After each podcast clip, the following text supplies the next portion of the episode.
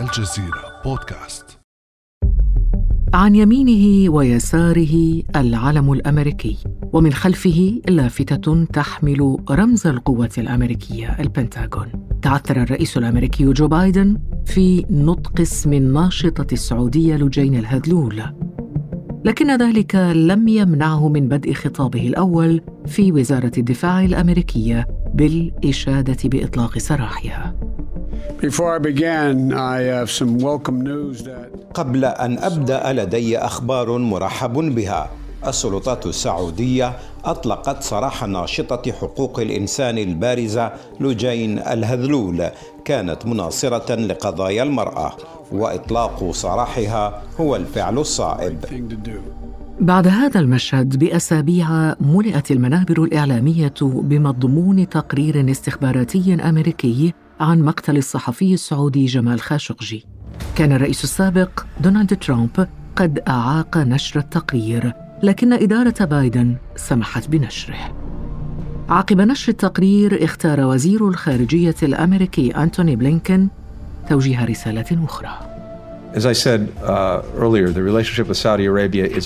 كما قلت سابقا العلاقة مع السعودية أكبر من أي شخص. تعامل الرئيس كما تعرفين مع الملك سلمان وتعاملت أنا مع نظيري وزير الخارجية والوزير أوليسن تعامل مع نظيره الذي هو محمد بن سلمان.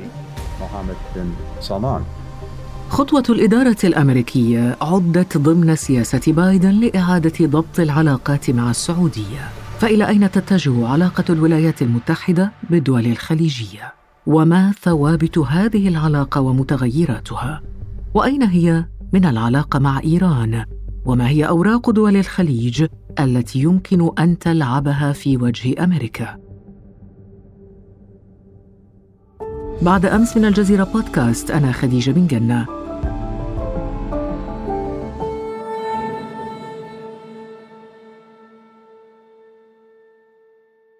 أسعد اليوم باستضافة الدكتور حسن البراري أستاذ العلاقات الدولية بجامعة قطر. مساء الخير دكتور. مساء الخير أم رامية دكتور حسن البراري دعنا في البداية نعرف شيئا عن ثوابت العلاقات الخليجية الأمريكية. ما هي محدداتها؟ بدأت آه، هذه العلاقة كما تعرفين منذ عام 45 عندما التقى الملك آه، عبد العزيز آل سعود المؤسس المملكة العربية السعودية مع آه، روزفلت الرئيس الأمريكي في عام 45 التقيا واتفقا على معادلة قوامها النفط مقابل الأمن.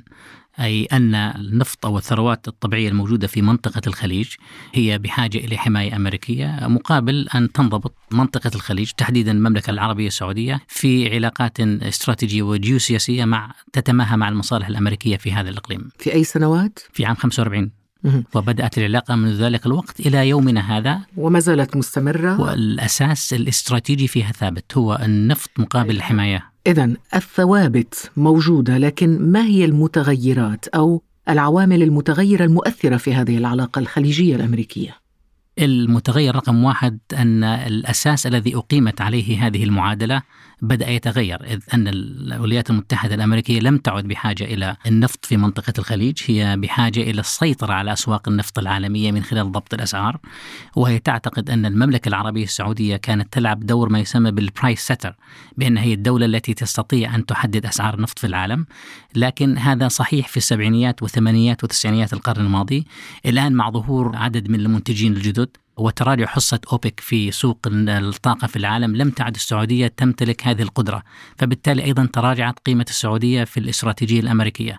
المشكلة الآن في العلاقة الأمريكية السعودية أنها كانت على أساس قوي بالنسبة للسعودية لأنها كانت تسيطر على قطاع النفط الآن لم تعد تسيطر على قطاع النفط وبالتالي المعادلة فيها مشكلة مما يثير الاختلافات داخل النخب الحاكمة في الولايات المتحدة أنه كيف يمكن إعادة ضبط هذه العلاقة مع السعودية على اعتبار أن السعودية لم تعد تحتل نفس المكان المركزي في الاستراتيجية الأمريكية. نعم ضبط هذه العلاقة.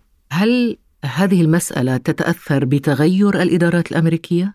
نعم ولا بنفس الوقت. يعني بمعنى أن هناك إجماع بين النخب الحاكمة في الولايات المتحدة الأمريكية سواء تحدثنا عن الحزب الجمهوري أو الحزب الديمقراطي تعلي من قيمة السعودية في المنطقة على اعتبار أنها دولة وازنة. هي دولة كبيرة جدا وهي قوية تمتلك ربما ثاني أقوى سلاح جو في المنطقة بعد إسرائيل وهي لم تخذل الولايات المتحدة في كل حروبها ونشاطاتها في هذه المنطقة وبالتالي بقيت دولة إلى حد كبير جدا شريك تابع لأمريكا في هذه المنطقة.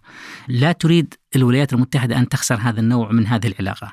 لكن في الوقت ذاته أصبح هناك لسلوك المملكة العربية السعودية وبخاصة بعد عام 2014-2015 إلى يومنا هذا في استقلالية بالسلوك السعودي في هذه المنطقة لأنه في انطباع في المنطقة أن أمريكا بدأت تتراجع بدأت تنسحب تدريجيا تدير انسحابها ولا تريد أن تبقى لأن موازين القوى الكونية تتطلب أن تقوم أمريكا بحشد كل طاقاتها باتجاه منطقة الهادي ومنطقة آسيا فبالتالي هي تريد أن تدير هذه المنطقة من خلال وكلاء. السعودية تعتقد بأنها مرشحة بأن تلعب هذا الدور فبالتالي شعرت بنوع من الاستقلال عن أمريكا فاندفعت بسياسة خارجية أصبحت عبء على الولايات المتحدة. بمعنى أن الولايات المتحدة تحاول تحقيق مجموعة من الأهداف في هذه المنطقة. السياسة السعودية مكنت خصوم الولايات المتحدة من خلال حرب على اليمن من خلال المغامرة في سوريا ودعمها ربما عناصر كان أضعفت من الموقف الأمريكي وأيضا في العراق لم تلعب السعودية الدور الإيجابي المطلوب فبالتالي بدأت السعودية تتصرف بشكل منفرد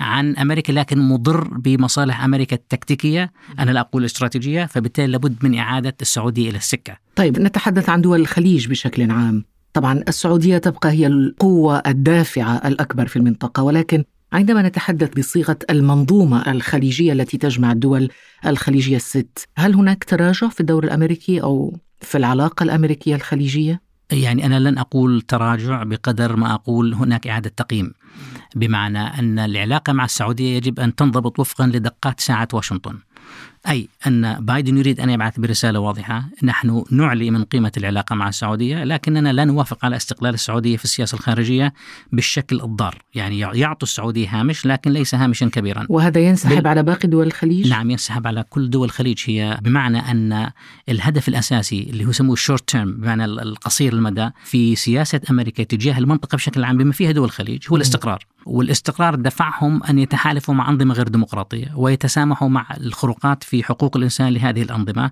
لكن هذا الأمر بعد الصحوة العالمية الصحوة السياسية العالمية وبعد تمكين الناس حتى في هذه المنطقة من وسائل التواصل الاجتماعي وبعد بروز أصوات تطالب بالإصلاح لم يعد بوسع الولايات المتحدة الأمريكية أن تغض الطرف عن انتشار المشاعر المعادية لها بسبب انسياقها وراء هذه الأنظمة. دعمها لهذه الأنظمة التسلطية أنظمة غير ديمقراطية غير منتخبة والتي يعني لا تقيم وزنا لحقوق الإنسان. الولايات المتحدة تريد أن تذكر هذه الدول بأن ملف حقوق الإنسان في غاية الأهمية أنا لا أقول بأن الولايات المتحدة في عهد بايدن يعني ستشن حربا عنوانها حقوق الإنسان لكنها لن تتسامح مع بعض هذه التصرفات التي تخرج من هذه الدول وهي تنظر إلى منطقة الخليج كمنظومة واحدة تنظر إلى الخليج كمنظومة واحدة أم تتعامل مع كل دولة على حدة وتوكل لكل دولة دور معين؟ هي تنظر إلى هذه المنطقة كمنظومة واحدة من ناحية جيوسياسية لها موقع في الاستراتيجية الأمريكية لكن بنفس الوقت أيضا هي تفهم أن هناك خلافات بين هذه الدول تعطي هامش لهذه الدول لتختلف لكنها لا تسمح لها بأن تخرج عن الدور المرسوم استراتيجيا لها. الإمارات السعودية تستطيع أن تحاصران قطر لكن لا تستطيعان أن تهاجم قطر عسكريا قطر تحتوي على قاعدة العديد. قطر يمكن أن تلعب دور كبير جدا أيضا في الوساطة. فبالتالي هي تنظر إلى عمان أيضا بنفس الطريقة وتنظر إلى الكويت بأنها بمعنى أن البيت الخليجي وإن كان متماسك من ناحية جيو استراتيجية إلا أن له أدوار مختلفة. أمريكا تسعى يعني تأخذ هذا بعين الاعتبار. ولكن لا تسمح للأمور أن تنفلت في هذا البيت الخليجي لأسباب جيو استراتيجية ومع ذلك يمكن القول بأن الالتزام الأمريكي تجاه الأمن الخليجي هو التزام استراتيجي لا يخضع إلى المساومة. ولا يمكن أن يغير في ديناميته هذه الخلافات فيما يتعلق بمنظومة حقوق الإنسان.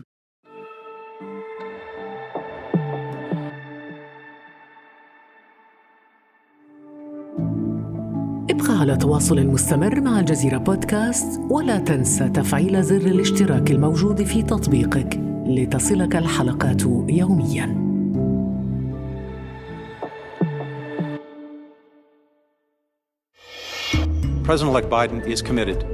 Uh. الرئيس بايدن ملتزم بأن إيران لن تحصل على سلاح نووي ونحن كلنا نشارك بهذا الهدف. حيازة إيران بالسلاح النووي سيجعلها أخطر مما هي عليه الآن. ولدى أمريكا مسؤولية ملحة لفعل ما يمكننا لمنع إيران من حيازة السلاح النووي كان هذا وزير الخارجية الأمريكي أنتوني بلينكن أمام لجنة العلاقات الخارجية بالكونغرس قبيل توليه منصبه. في نفس التصريحات يقول بلينكن إن الولايات المتحدة ستسعى إلى ضم دول الخليج إلى المفاوضات بشأن الاتفاق النووي. الولايات المتحدة التي تملك وجودا عسكريا في دول مجلس التعاون الست تحاول الآن إعادة بناء العلاقة مع إيران على أساس نوع من التفاهم تأمل دول الخليج ألا يكون على حساب العلاقة معها. دكتور حسن البراري الآن مع هذه المفاوضات الأمريكية الإيرانية ألم تبتعد الإدارة الأمريكية عن حلفائها الخليجيين الذين يعتبرون إيران عدوهم الأول؟ لا أعتقد بأنها تبتعد عنهم لكنها لا تعمل وفقا لأولوياتهم أو وفقا لرؤيتهم.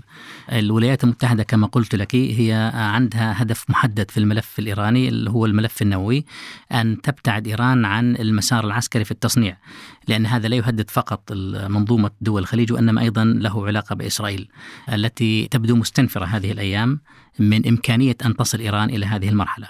فبالتالي الحوار مع إيران يعني بنهاية المطاف هو أن أمريكا ملتزمة باستراتيجية المنع اللي هي البريفنشن استراتيجي وهذا الأمر لا يختلف عن ترامب بالمناسبة ربما يختلفان من ناحية التكتيك والأسلوب في التعامل مع الملف الإيراني. الأمريكا منذ عام 2003 منذ أن أعلن عن المشروع النووي الإيراني للمرة الأولى في التقييم الاستخباري العام الذي نشر في عام 2003 وهي ملتزمة باستراتيجية المنع. والخيار العسكري هو الخيار الأخير بمعنى أن أمريكا لن تسقط هذا الخيار في نهاية الأمر وبالتالي هي تحاول أن تقدم جزرة إلى إيران من أجل أن تثني إيران عن هذه المساعي. هذا طبعا يزعج دول الخليج لأن دول الخليج هي لا تخشى فقط الملف النووي هي تخشى أيضا من السلوك الإيراني في هذه المنطقة أيضا من برنامجها الصاروخي وهو برنامج تقليدي غير نووي.